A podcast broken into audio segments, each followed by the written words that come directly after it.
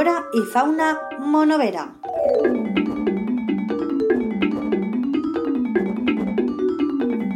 Amb Adrián Alberola.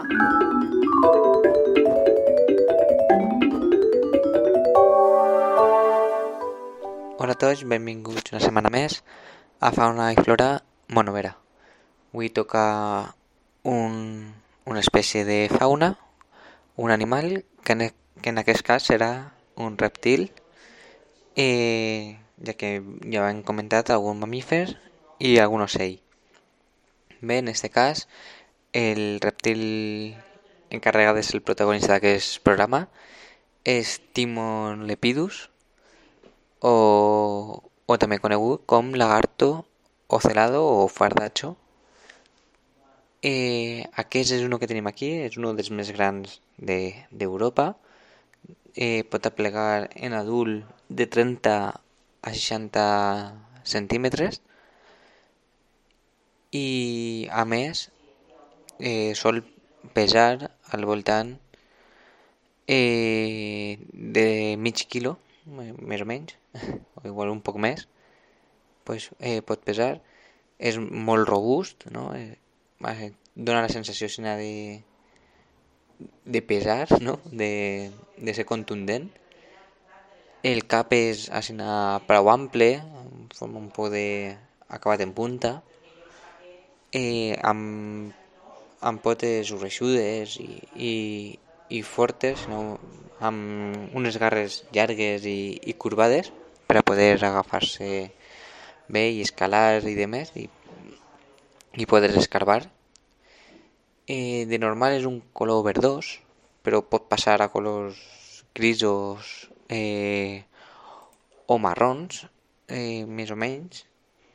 Té tonalitats grogues, verdoses, però el que el fa més característic, d'ahí que se diga lagarto celado o fardacho celado,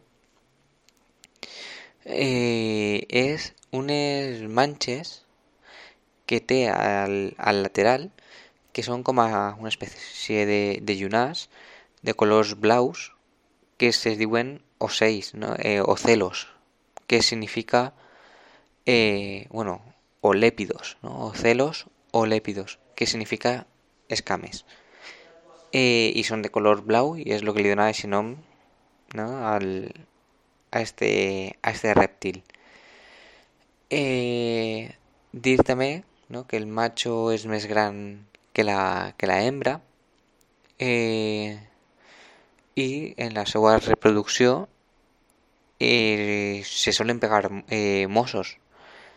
Són així prou, prou violents i, i molt territorials i eh, per tant eh, no és estranya que, que se peguen Mossos i siguin eh, prou violents.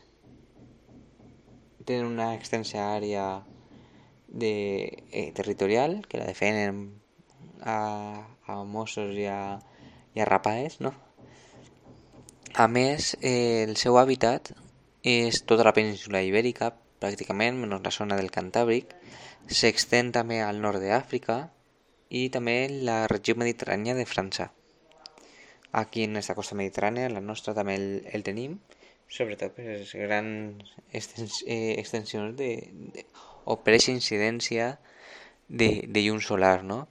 ja que eh, normalment va buscar llocs secs i molt solellats, com zones de matorrals, de vinya, eh, zones de, de cultius sinó prou despe, eh, despejades.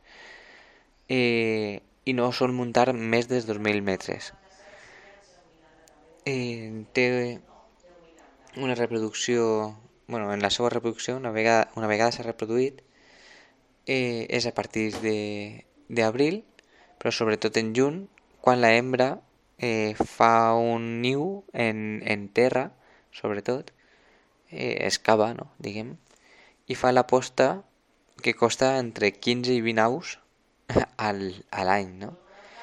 eh, després de 3 o 5 mesos, entre setembre i octubre, eh, eclosionen estos ous. I els cries, als 3 o 4 anys, ja són madures sexualment i poden reproduir-se. Eh, per tant, pues això, eh, no sol estar en perill, encara que se veuen molt pocs, però eh, una vegada s'han instal·lat, eh, perquè estan durant tot l'any amb la seva parella, no? mascle i femella, i després, de cara a la primavera, o, o ja més bé entra a l'estiu, posen estos ous i en la tardor eclosionen. Són omnívors i, i mengen prou, sobretot es, eh, es agraden els insectes grans, tipus escarabats, tipus saltamontes, aràcnic també i cucs, també poden aplegar a menjar-se xicotets mamífers, ocells, eh, ous d'ocells, millor dit, eh, altres fardatxos i també inclús pot menjar algun fruit, sobretot si és dolcet. Eh, com molts dels rèptils, eh, solen hivernar, en este cas aproximat pot variar, no? depèn de la zona a la que estigues, però per lo general sol ser de novembre a febrer en forats que en madrigueres, no? que estan en terra o en maranyes d'arbustos i per mi se, se queda dormint o també inclús en algun, com poden escalar, en algun forat d'algun tronc. Eh, se mou exclusivament durant el dia, busca el sol i per a eh, regular la seva temperatura pues a part de que li facilita el córrer, eh, també alça la, la cua per a, per a refrigerar-se. I és prou veloç. Eh, això, a part de la velocitat, també és àgil eh, per a trepar, per a fugir des preses, per atacar-les. No? El, no? condiciona la, la seva vida per a alimentar-se. I a molts rèptils, com a molts fardatxos, és el tema de la cua, eh, que és capaç de eh, automutilar-se, diguem-lo així, perquè tenen eh, unes ahí al final de la... bueno, en lo que és la, la cua, un poc més, eh, més fràgils, no? que li permet eh, soltar-la eh, fàcilment, no? I lo, i això fa que, es pre, eh, bueno, que els depredadors d'este fardatxo se queden retinguts en la cua, però ells se, se lliuren.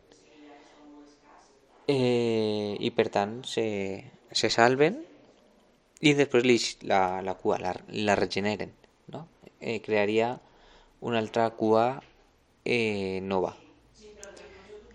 Eh, finalment, eh, en la seva boca té molta, molta força, no? que entre la velocitat que, que té i aquests mecanismes de defensa més l'agressivitat que de per si també el, el caracteritza també té molta força en el que és la, la mandíbula i no sol soltar fàcilment no? possiblement si tenim algú davant és possible que si li toquem no? si li posem al dit com solem fer molt a menut en alguns animals eh, mos pot mossegar i, i farà, a mi no m'ha passat mai, però possiblement faiga prou, prou mal. Així que eh, espere que, que vos hagi agradat aquest programa i, i res, eh, ens veiem en el pròxim, que serà una, una espècie de, de flora.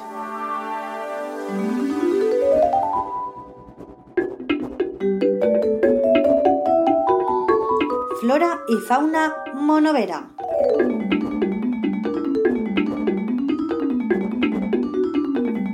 Amadrián Alberola.